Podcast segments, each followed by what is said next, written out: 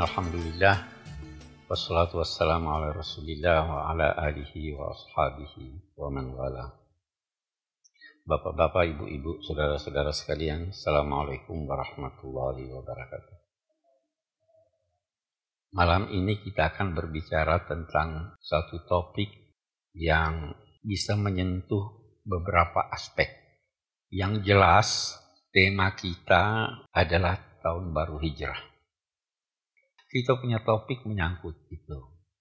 Eh, ada beberapa teman yang mengusulkan sekian banyak tema. Saya ingin berusaha menggabung eh, harapan teman-teman itu dengan bertitik tolak dari tahun baru hijrah. Jadi begini, memang satu tema bisa mempunyai sekian banyak aspek. Kalau kita bicara tentang tahun baru hijrah, kita bisa bicara misalnya mengapa hijrah yang dipilih oleh sahabat-sahabat Nabi menjadi awal tahun Islam. Kenapa bukan maulid Nabi seperti Nabi Isa? Kenapa bukan hari kemenangan? Yang dipilih adalah hijrah. Itu itu bisa bicara soal. Kalau kita bicara soal hijrah ini, kita bisa bicara tentang nilai-nilai yang ditemukan di dalam hijrah yang amat kita butuhkan dalam kehidupan kita baik sebagai individu maupun sebagai bangsa. Satu hal misalnya yang menarik karena ini yang paling berkesan di hati saya dan saya dimaki karena itu. Tapi saya ingin ulangi. Saya pernah berkata begini. Apa pun yang dilakukan oleh seorang, betapapun tinggi kedudukan itu, kalau yang dilakukannya dalam kondisi yang sama, tetapi berbeda dengan apa yang dilakukan Nabi, maka yang dilakukan Nabi itu yang lebih benar atau yang benar dan yang dilakukan selainnya itu bisa tidak lebih benar. Ini yang saya mau. Nah, di hijrah itu begini. Waktu Nabi hijrah masuk dalam gua Thor, Sayyidina Abu Bakar sangat takut, sedih. Nabi menenangkan. Ya kan kita baca di Quran. Iz yaqulu li sahibihi la tahzan innallaha ma'ana. Waktu perang Badar Nabi yang khawatir. Doa, doa, doa. Sampai serbannya jatuh. Sayyidina Abu Bakar yang menenangkan Nabi. Kafaka, kafaka, fa inna allaha munjizun laka ma wa'adak. Beda enggak ini sikapnya? Di hijrah Nabi tenang, Sayyidina Abu Bakar yang gelisah, di Badar Nabi yang gelisah, Sayyidina Abu Bakar yang memberikan ketenangan. Nah, kondisi sama tapi bertolak belakang. Siapa yang benar? Hah? Dua-dua benar. Ini bertolak belakang. Nah, saya waktu itu yang saya lantas dimaki ini, saya berkata, betapapun kita meletakkan Sayyidina Abu Bakar di atas kepala kita, satu-satunya manusia yang disebut gelarnya oleh Al-Quran sahibihi. Tetapi dalam sikap, kedua sikapnya itu, sikap Nabi lebih benar daripada Sayyidina Abu Bakar. Kenapa? Kita lihat. Kalau Anda sudah kepepet, tidak bisa lagi melakukan suatu kegiatan, apa masih perlu sedih? Nabi di dalam gua. Ya kan? Kata Sayyidina Abu Bakar, kalau orang nunduk aja dia dapati kita. Mau lari keluar, tidak bisa. Bagaimana sikap yang harus diambil? Harus takut atau berserah diri pada Allah? Tidak perlu sedih. Pilihan Allah itu yang terbaik. Itu yang diperagakan Nabi. Karena tidak ada lagi usaha yang bisa dilakukan. Jadi tidak usah sedih. Utusan Allah itu yang terbaik. Itu yang diperankan Nabi waktu hijrah. Waktu perang badar. Bagaimana waktu perang badar? Masih banyak usaha bisa dilakukan Nabi. Nabi khawatir jangan sampai persiapannya tidak tidak ini sampai Nabi bersabda kalau ini hancur kamu tidak akan disembah lagi ya Allah. Wajar khawatir atau tidak? Yang tenang bagaimana? Ya wajar tenang, ya kan? Akhirnya itu saya katakan ini yang paling berkesan. Saya teringat apa yang saya terangkan itu pernah diterangkan oleh guru saya di Mesir. Jadi bukan pendapat saya. Saya ingat-ingat cari bukunya. Saya dapati bukunya di Saudi Arabia. Itu buku yang menjelaskan tentang itu. Saya mau fotokopi karena mahal. Kata enggak harus kamu beli. Di Majid. Berapa harganya? Waduh, mahal harganya. Tapi karena saya mau tulis di buku saya tentang ini dan saya harus cantumkan di halaman sekian dan sekian, saya beli. Jadi saya katakan itu yang paling berkesan. Banyak sekali dalam peristiwa hijrah itu yang menjadi pelajaran buat Nabi Musa waktu hijrah dikejar-kejar oleh Fir'aun. Dia berkata apa? Inna ma'iyya rabbi saya di jangan khawatir bersama aku Tuhanku dia akan memberi petunjuk kepada saya. Kalau Nabi Muhammad apa katanya? Inna Allah ma'ana. Banyak, saya tidak ingin bicara lagi soal itu. Banyak sekali, banyak sekali. Nah, yang saya ingin bicarakan malam ini adalah tentang umur manusia. Ada juga yang kita ingin eh, barangkali mengoreksi sedikit atau membetulkan pikiran kita. Biasa orang kalau umur 64 tahun misalnya, dia berkata, saya sudah dapat bonus. Ya, Nabi wafat 63. 64 saya sudah dapat bonus tahun. Ya, betul itu. Tidak betul. Umurnya Nabi 63 dalam perhitungan Qamariyah. Ya kan?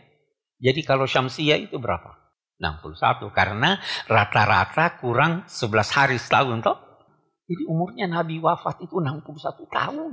Kalau kita pakai perhitungan, jadi begitu Anda umur 62 tahun, Anda udah dapat bonus tahun. Ya kan? Kita ingin berbicara tentang perjalanan hidup manusia. Eh, itu ada buku ditulis oleh Al Habib Abdullah Haddad. Ada beberapa buku yang berbicara tentang perjalanan hidup manusia ini. Saya ingin eh, lihat yang pertama. Kita ini di mana sebelum kita di dunia? Kita pernah ada sebelum di dunia? Kita pernah ada. Itu yang oleh ulama-ulama dikatakan kita berada di alam zar di dalam Al-Quran oleh sebagian ulama itu dikatakan ada firman Allah Wa iz akhadha rabbuka min bani adama min zuhurihim dzurriyyatahum wa ashhadahum ala anfusihim alastu bi rabbikum? Qalu bala syahidna. Jadi kita pernah berada di suatu alam. Alam zar sebelum kita ada di dunia ini. Oleh ulama-ulama itu dikatakan bahwa ketika itu seluruh anak cucu Adam dikeluarkan Allah melalui punggung Adam. Lantas semua diminta kesaksiannya. Mengakukah kamu bahwa aku ini Tuhanmu yang Maha Esa?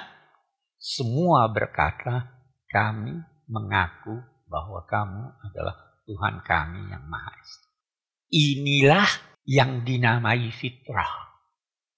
Jadi tidak ada manusia yang tidak memiliki fitrah, kesadaran tentang Tuhan. Karena itu pernah diakuinya sebelum. Bahkan nanti mari kita lihat itu di, di kalangan filosof-filosof Yunani pun ada yang percaya, Plato itu percaya, ada yang dinamai alam ide sebelum kita di sini, kita udah tahu ada ulama-ulama Islam berkata apa?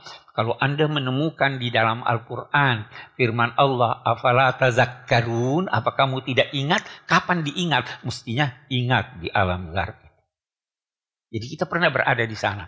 Inti dari keberadaan kita di sana adalah pengakuan tentang keesaan Allah Subhanahu wa taala. Nah, itu kemudian yang orang katakan ada penemuan walaupun istilahnya berbeda, di bulan lalu saya ada terangkan semua orang punya kesadaran tentang eh, Tuhan. God spot, ya. Walaupun istilah eh, spot itu ada yang menolak itu Tuhan tidak punya tempat katanya jangan bilang God spot. Oke. Okay. Banyak dongeng menyangkut kisah apa yang terjadi di alam itu. Salah satu di antaranya eh, kita tidak harus ambil atau membenarkan benar kisah itu atau tidak, tapi kita ambil intinya. Waktu itu Adam lihat cucu-cucunya. Dalam riwayat dia lihat Nabi Daud. Dia tanya, ini siapa ini? Oh ini kok punya cucu, namanya Daud. Berapa umurnya? 40 tahun. Ya Allah, saya kan kamu beri umur 1000 tahun. Kasih dia dari umur saya 60 biar dia dapat 100 tahun. Terlalu sedikit ini ya Allah umurnya cuma 40 tahun. Maka, nah ini ini kisahnya, dongengnya. Tapi kita akan ambil pelajarannya bagaimana. Ketika Adam sudah mencapai usia 940 tahun, malaikat Israel datang. Hei, saya mau cabut nyawamu sekarang. Tak, saya kan seribu tahun. Dulu Tuhan memberitahu umurnya orang. Saya punya umur Seribu tahun. Saya baru 940 tahun nih. Katanya, hei kamu lupa, kamu kan sudah berikan kepada eh, cucumu Daud itu. Enggak ah, enggak, enggak saya berikan. Dia lupa. Dia ingin hidup lebih lama. Bukan cuma Khairin Anwar yang ingin hidup seribu tahun. nah, sejak itu tidak ada orang yang beri, diberitahu umurnya. Karena ketika umur datang itu semua orang masih punya harapan. Itu ada ucapan Sayyidina Ali, tidak ada orang yang tidak membawa harapannya ke kubur. Ya Anda pasti punya harapan. Setua apa pun masih punya harapan. Oh, jadi bukan buat Anda, buat anak-anak. Betapapun Allah menguraikan tentang alam ini intinya adalah sadarlah bahwa Allah Maha Esa, Allah melakukan hal ini supaya tidak tiba satu masa kamu berkata kami tidak tahu. Itu pernah kita ada di sana. Itu alam dar. Alam yang kedua, alam dunia. Nah, hanya eh, eh, begini, di alam dunia ini, setiap kita hidup dalam tiga alam. Nah, saya, saya beri contoh. Anda lihat saya? Ya, kita berbicara ya. Apa yang Anda lihat? Kenyataan. Waktu mimpi bagaimana? Alam lain. Ya? Kita ada di alam lain. Kalau di alam kita, perpindahan dari satu tempat ke tempat yang lain membutuhkan waktu yang kalau mimpi pergi ke New York pulang balik itu mimpi kata kata para pakar itu tidak lebih dari satu dua menit. Kita punya alam itu atau tidak? Nah, ada alam ketiga saya beri contoh. Anda mendengar ucapan saya. Bagaimana kesan Anda tentang ucapan saya? Saya tidak tahu. Ya, ada alam tersendiri buat Anda. Saya beri contoh yang lain nonton TV. Satu orang ucapkan Assalamualaikum tidak dengar. Assalamualaikum tidak dengar. Di bahunya tidak didengar. Dia, dia, dia menangis. Kan yang begitu. Apalagi ibu-ibu tuh biasa kalau. Alamnya beda dengan alam kita. Itu kita di dunia nih. Alam kita udah beda-beda kekeliruan kita biasa kalau berbicara tentang alam yang di luar alam dunia ini kita selalu menganalogikannya dengan alam. Ada ungkapan dinisbahkan kepada Sayyidina Ali an-nasuniyam fa matu intabahu. Manusia itu sekarang tidur kalau dia mati dia bangun dia lihat kenyataan. Alam dunia ini kita setelah wujud itu dimulai ketika kita masih dalam perut ibu. Kita di alam dunia. Lahir, kita bayi, menanjak, remaja, dewasa, tua, pikun. Itu perjalanan hidup manusia. Kalau dia bisa sampai di sana. Ada yang yang wafat sejak kecil. Tapi kalau kalau berlanjut begitulah. Yukhrijukum tiflan, belu asyuddakum sampai arzalil umr. Pikun.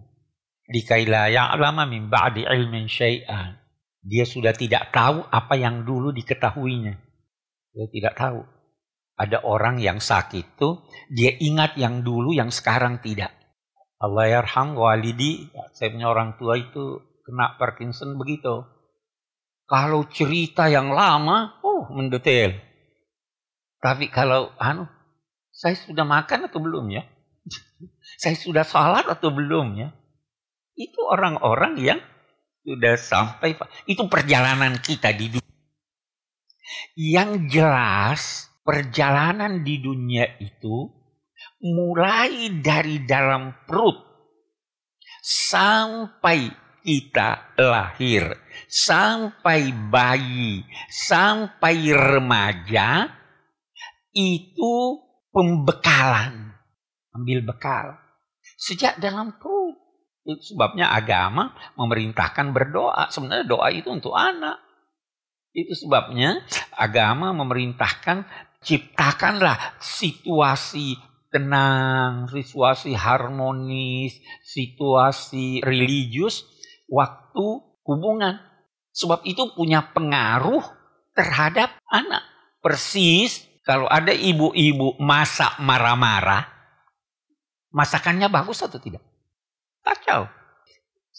Saya cerita, saya suka cerita pengalaman. Cucu saya itu kalau dibuatkan Milo oleh neneknya, dia katakan, enak, ini dibuat dengan cinta. Nah, ya? Kalau asal jadi, itu berpengaruh pada anak. Jadi itu persiapan, pembekalan. Mulai dari janin sampai mukallaf. Terus dan sebagainya untuk mengambil bekal guna perjalanan yang akan datang. Eh, ada ayat Al-Quran yang menyatakan begini. Alam yakni lilladzina amanu an takhsha'a qulubuhum bi dzikrillah wa ma nazala Apakah belum lagi sampai saatnya untuk orang-orang yang beriman bahwa dia mestinya sudah khusyuk, tenang, damai hatinya mendengarkan zikir kepada Allah, mengucapkan zikir kepada Allah, damai hatinya menyangkut ayat-ayat Al-Quran yang diturunkan. Ini ayat kata sebagian ulama turun kecaman kepada sekian banyak sahabat Nabi yang sudah berumur 40 tahun masih berleha-leha. Kalau di bawah 40 mungkin masih ditoleransi ya. Di atas 40. Kata Imam Ghazali, kalau engkau telah berusia 40 tahun dan hatimu belum lebih cenderung ke akhirat daripada ke dunia, maka hati-hatilah. Jangan sampai engkau terjerumus ke neraka. Itu kata Imam Ghazali.